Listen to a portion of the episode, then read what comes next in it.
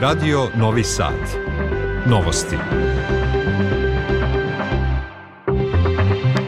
Dobar dan, ja sam Vesna Balta. I ja sam Milijana Kočić. Na početku novosti Vesti dana.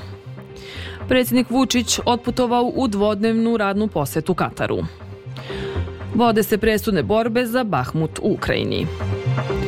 Pokrajinski sekretarijat za privredu raspisao konkurs za subvencionisanje starih i umetničkih zanata. Poljoprivrednici se nadaju dobroj godini za kukuruz. Večeras finale pesme za Euroviziju. Novak Đoković neće učestvovati na turnirima u Indian Wellsu i Majamiju, pošto mu državna bezbednost SAD-a nije izdala dozvolu za ulazak u zemlju.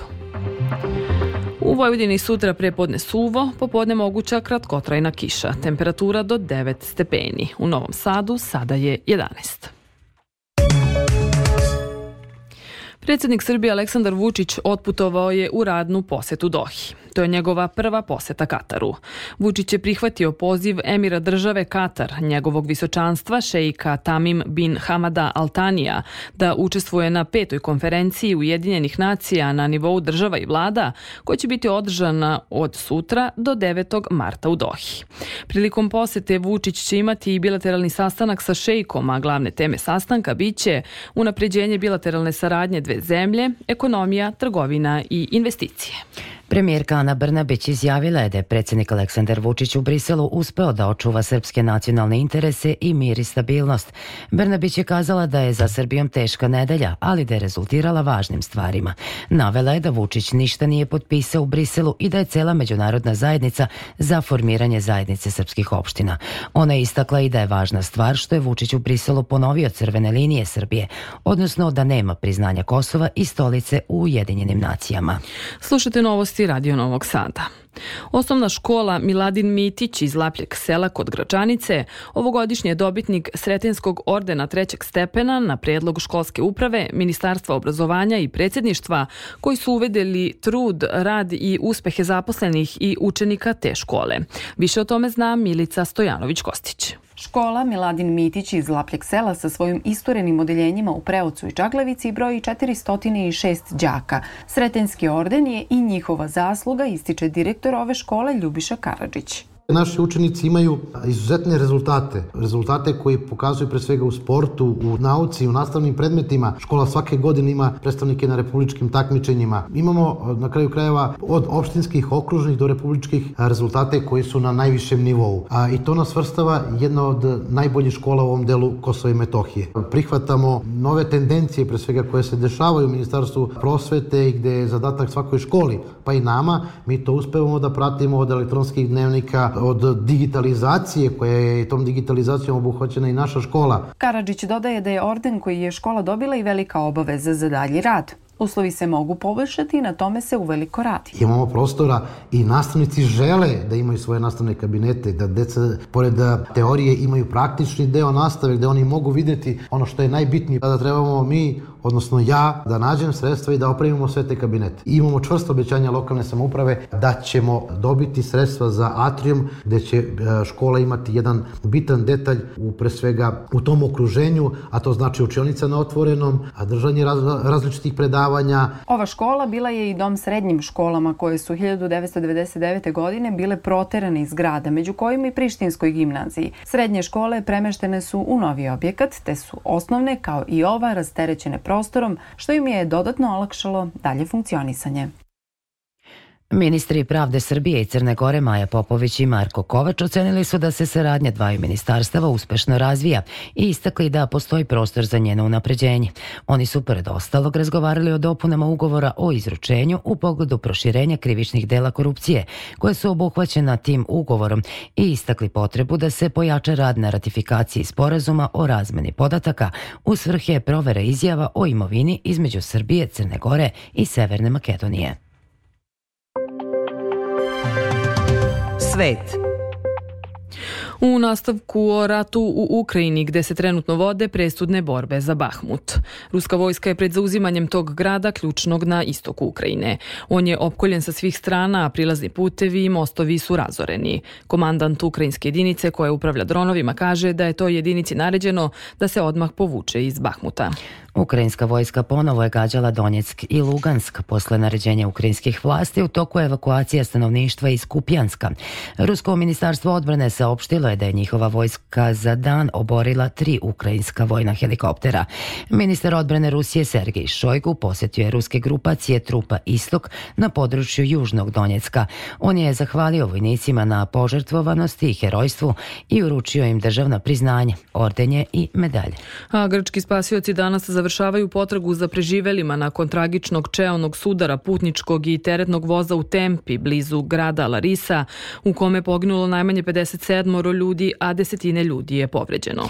Oko 2000 studenta sinoć je izašlo na proteste u Atini, a bilo je i sukoba s policijom. Studentski protesti održani su i u Solunu i Larisi. Upravnik železničke stanice u Larisi uhapšen je, a grčka vlada smatra da je ljudski faktor krivac za tu tragičnu nesreću. Sindikati radnika na železnici koji štrajkuju od, stre, od srede tvrde da je nesreća bila neizbežna zbog nedostatka bezbednostnih sistema i nedovoljnog broja zaposlenih. Patrijarh Srpski uputio je arhijepiskopu Atinskom i sve Grčke Jeronimu telegram saučešća povodom teške železničke nesreće koja se dogodila u Grčkoj.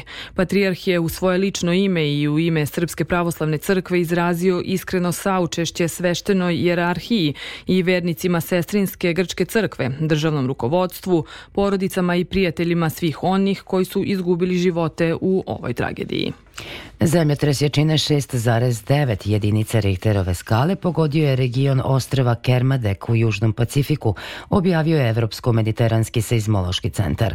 Zemljotres je bio na dubini od 150 km, a nenaseljena ostrava Kermadek pripadaju Novom Zelandu. Posle potresa nije bilo upozorenja na tsunami. Slušate novosti Radio Novog Sada, a drugi deo emisije posvećujemo domaćim temama. Pokrajinski sekretarijat za privredu i turizam raspisuje konkurs za subvencionisanje starih i umetničkih zanata u Vojvodini. Prva stanica ka otvaranju privredne delatnosti je pohađanje obuke starih i umetničkih zanata, a onima koji su je završili Udruženje samostalnih zanatlija Novog Sada protekle nedelje dodelilo je sertifikate. Pojedinosti Marija Maleš. Udruženje žena Staparske ruže iz Stapara prva su generacija koja je posle 50 godina vratila Staparski čilim na velika vrata.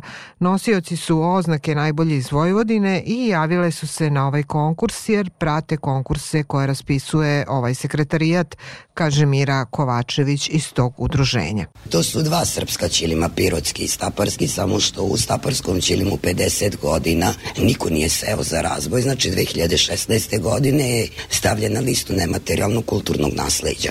Kod nas je motiv ruža, utice Austro-Ugarske, staparski čilim je doživeo ekspanziju krajem 19. početkom 20. veka. Za subvencionisanje starih zanata pokrajina je, kao i prošle godine, namenila 3 miliona dinara naveo je pokrajinski sekretar za privredu i turizam Nenad Ivanišević.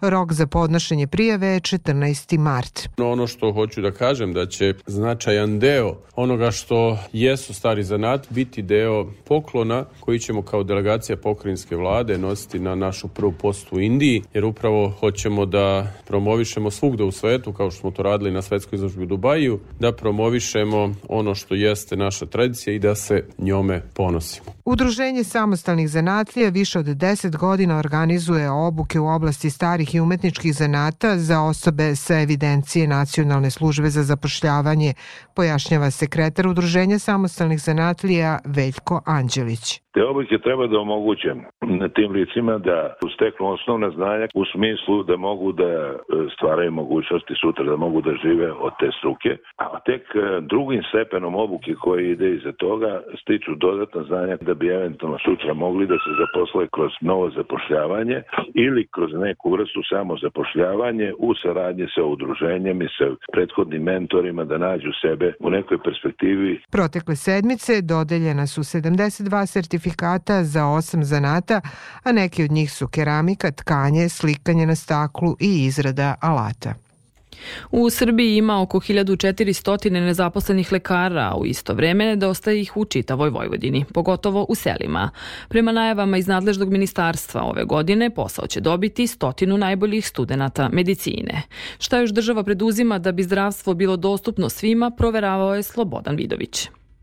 Oko 600 lekara svake godine ode na rad u inostranstvo jer su plate u zemljama zapadne Evrope neuporedivo veće nego u Srbiji. Oni koji ostaju biraju velike gradove zbog čega mnoga sela ostaju bez svakodnevne osnovne zdravstvene zaštite. U 15 sela u opštini Sombor trenutno radi oko 20 lekara i dobro bi došli novi, kaže direktorka tamošnjeg doma zdravlja Emeše Uri. U svakom selu e, minimum dva dana u toku nedelje imamo doktora, u većini imamo svakodnevno, u većim selima imamo po dve smene, tako da grad Sombor je relativno dobro pokriven što se tiče ambulanti po selima, ali uvek, uvek je poželjno da imamo e, i nove e, i mlade doktore koji su puni snage, entuzijazma i želje da rade i u tim ambulantama. Oko 35% lekara ima blizu 60 godina, pa su potrebni mladi, kaže za radioteleviziju Vojvodine državni sekretar u Ministarstvu zdravlja Ferenc Vicko. To je onaj deo koji moramo zanavljati ako znamo da specijalizacija u prosjeku traje najmanje 5 godina dok se stekne neko iskustvo da bi zamenili nekog lekara.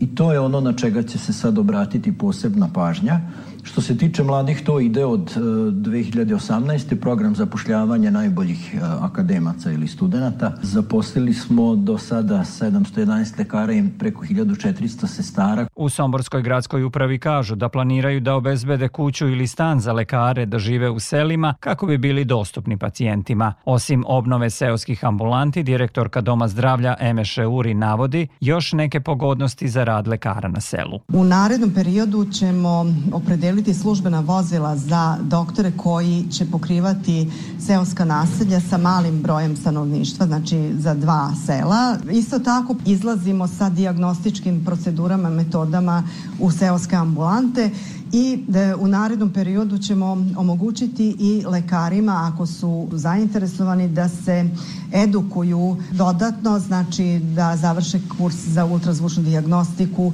i da na neki način imaju mogućnosti da napreduju i na profesionalnom e, nivou. Na sajtu Ministarstva zdravlja objavljen je javni poziv za specijalizacije u 11 oblasti, među kojima su anesteziologija, intenzivna terapija, opšta medicina, pedijatrija, fizikalna medicina i rehabilitacija, radiologija, kao i palijativna medicina. Sve veće interesovanje za smeštaj u gerontološkom centru u Zrenjaninu. Korisnike najviše privlači šarene lepeza aktivnosti i sadržajni dani koje ovaj dom nudi. Detalje donosi Jelena Milićević.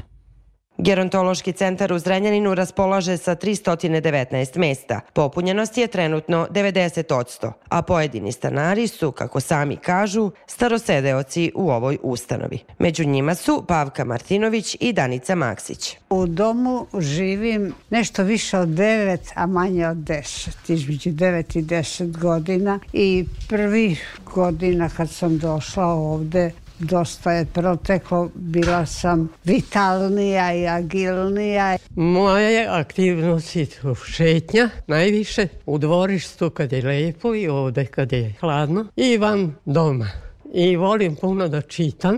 Dobijem knjige od mojih koleginica. Dan u gerontološkom centru započinje jutarnjim vežbama, nakon čega svako po svojim interesovanjima i afinitetima može da se bavi različitim ručnim radom, da učestvuje u raznim umetničkim sekcijama ili zabavnim aktivnostima, tvrdi Vanja Ilijev, radni terapeut. Gerontološki centar kao ustanova u svom zadatku osnovno ima pružanje usluga smeštaja, ishrane kao osnovne, zatim primarne zdravstvene zaštite, fizikalne terapije i radno-okupacijne terapije. E sad u okviru radno-okupacijne terapije plan se radi individualno za svakog od korisnika i vodi se računa o njegovim potrebama i mogućnostima u svakom slučaju. Znači ili su ovaj, individualni radovi sa korisnicima ili grupni. Za mesto u gerontološkom centru postoji i lista čekanja. Kako u ustanovi objašnjavaju, čekanje je najčešće zbog tehničkih razloga, dok se obezbedi adekvatan prostor za svakog korisnika. To tvrdi Tatjana Živanov, direktor gerontološkog centra. Mislim da postoji dalje predrasude da čovek kada dođe u starački dom, odnosno kao u našem slučaju gerontološki centar, jer imamo tri vrste usluga, da nekako njegov život prestaje. A zapravo mi se trudimo da on ponovo počne da živi jedan novi život e, u drugačijim okolnostima. Trudimo se naravno da bude bolje i, i uspešnije, da otkriju nešto što do sada nisu ni znali da poseduju. Mislim, pre svega na talente, afinitete i tako dalje. Korisnici gerontološkog centra u Zrenjaninu učestvuju u raznim programima, a organizuju i svoje izložbe, muzičke događaje i druga druženja. Kada ima za to prilike, idu i na izlete i kako kažu, žive život pun sadržaja. Pojedinci čak i sadržajniji nego ranije. Čuli smo kako interesovanje za smeštaj u gerontološkom centru u Zrenjaninu, a naredne minute u novostima posvećujemo poljoprivredi. Uprkos činjenici da su proizvođači kukuruza u Kikindi protekle godine prošli veoma loše, poljoprivrednici na severu Banata ponovo će prema sadašnjim procenama ove sezone najviše površina posvetiti upravo našoj najzastupljenijoj žitarici. Kikinski zemljoradnici smatraju da će ova proizvodna godina biti bolja za proizvodnju kukuruza. Priču donosi Branislav Ugrin. Vujinov. Godina za proizvođače koji uveliko planiraju strukturu prolećne setve počela je znatno bolje nego što je to bio slučaj u prethodnom periodu Imajući u vidu da su zalihe vlage relativno popravile stanje u zemljištu i za razliku od prethodne godine, cela situacija budi blagi optimizam da bi sezona mogla da bude bolje nego lane, kada je, pogotovo na severu Banata, rod kukuruza potpuno izostao. Razgovarali smo sa poljoprivrednikom iz Mokrina, Denom Šerbeđijom. Brižno ljudi prate situaciju, šta se dešava iz dana u dan, kakve su padavine, nismo imali snega, nažalost, da bi doneli kasnije svoju tu neku odluku o tom nekom sortimentu i količini količini ovaj, e, zasejanih površina pod određenim kulturama. Kad kažem količini zasejanih površina, najviše mislim da su uprete oči u suncokret, što recimo na mom gazdinstvu e, neće biti tako. Kod mene će biti zastupljeno kao i do sada, što se kaže na celokupnim, od celokupne površine koje radim, bit će jednako zastupljeno, znači i pšenice, i suncokreta, i kukuruza, e, zato što ja proizvodim te tri kulture. U setvenoj strukturi ovog proleća, prema sadašnjim procenama, poljoprivredni poljoprivrednici na severu Banata ponovo će najviše površina posvetiti kukuruzu, uprkos mišljenjima da će se najviše parcela pripremiti za našu najzastupljeniju uljaricu. Suncokret smatra Robert Nemeš sa Instituta za ratarstvo i povrtarstvo u Novom Sadu. Ako nastavi ovaj trend temperatura, sve su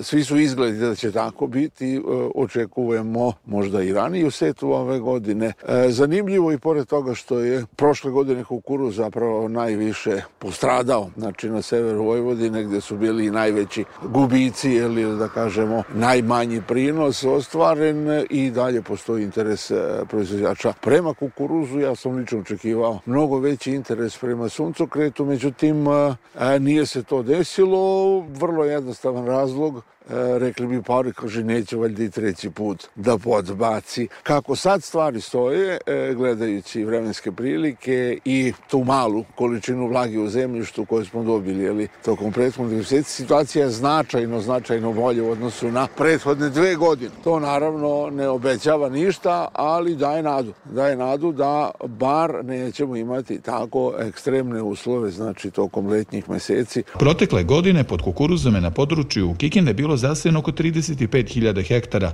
dok je suncokretom bilo oko 19.000 hektara. Pesma za Euroviziju ušla je u završnicu. Nakon dve polufinalne večeri, 16 najboljih takmičara večeras će se od 21 čas boriti za kartu za pesmu Eurovizije u Liverpoolu. Kompozicija sa najviše poena od žirije i publike predstavljaće našu zemlju u maju. Sport. Naša atletičarka Ivana Vuleta plasirala se u finale skoka u dalj na Evropskom dvoranskom prvenstvu u Istanbulu. Ivana je ostvarila skok od 6,98 što je najbolji njen i evropski rezultat ove sezone. U finale se plasirao i Elzan Bibić na 3000 metara pošto je bio najbolji u drugoj kvalifikacionoj grupi. U finala su se ranije plasirali i Lazar Anić u skoku u dalj i Angelina Topić u skoku u vis. Finala naših atletičara i atletičarki su sutra. A najbolji teniser sveta Novak Đoković neće učestvovati na turnirima u Indian Wellsu i Majamiju, pošto mu državna bezbednost nije izdala dozvolu za ulazak u zemlju. Objavio je na svom Twitter profilu senator Florida Rick Scott. On je napisao i da dozvolu Đokoviću da uđe u Sjedinjene države može da izda predsednik Joe Biden, kojem su senatori Scott i Rubio uputili pismo sa zahtevom da Novaku odobri ulaz. Pred kraj novosti još jednom vesti dana. Predsednik Vučić u poseti Kataru gde će učestvovati na konferenciji u organizaciji Ujedinjenih nacija. Vode se presudne borbe za Bahmut u Ukrajini. Pokrinjski sekretarijat za privredu raspisao konkurs za subvencionisanje starih i umetničkih zanata. Poljoprivrednici se nadaju dobroj godini za kukuruz. Večeras finale pesme za Euroviziju. Kada vremenu reč u većem delu Vojvodine je pretežno vedro, u Somboru, Kikindi, Zrenjaninu i na Paliću je 12 stepeni, stepen manja je u Novom Sadu i Sremskoj Mitrovici. Sledi prognoza za naredne dane. U Vojvodini u nedelju ujutru delimično vedro, u toku dana umereno do potpuno oblačno i uglavnom suvo uz umeren severozapadni vetar. Posle podne mestimično se očekuje kratkotrajna kiša. Najniža temperatura od minus 1 do 1, a najviše dnevno od 7 do 9 stepeni. U Vojvodini do sredine naredne nedelje promenljivo uz smenu oblačnih i sunčanih intervala. Kratkotrajna kiša ili pljusek biće lokalna pojava. Duvaće južni i jugozapadni vetar uz porast temperature, maksimalne vrednosti od 10 do 16 stepeni. Za Radio Novi Sad, meteorolog Miodrag Stojanović. Slušali ste novosti prvog programa radija Radio Televizije Vojvodine. Novosti tonski realizovo Dragan Vukmirović. Pred mikrofonom bile Vesna Balta i Milijana Kočić. Ostanite uz naš program. Želimo vam prijatno popodne.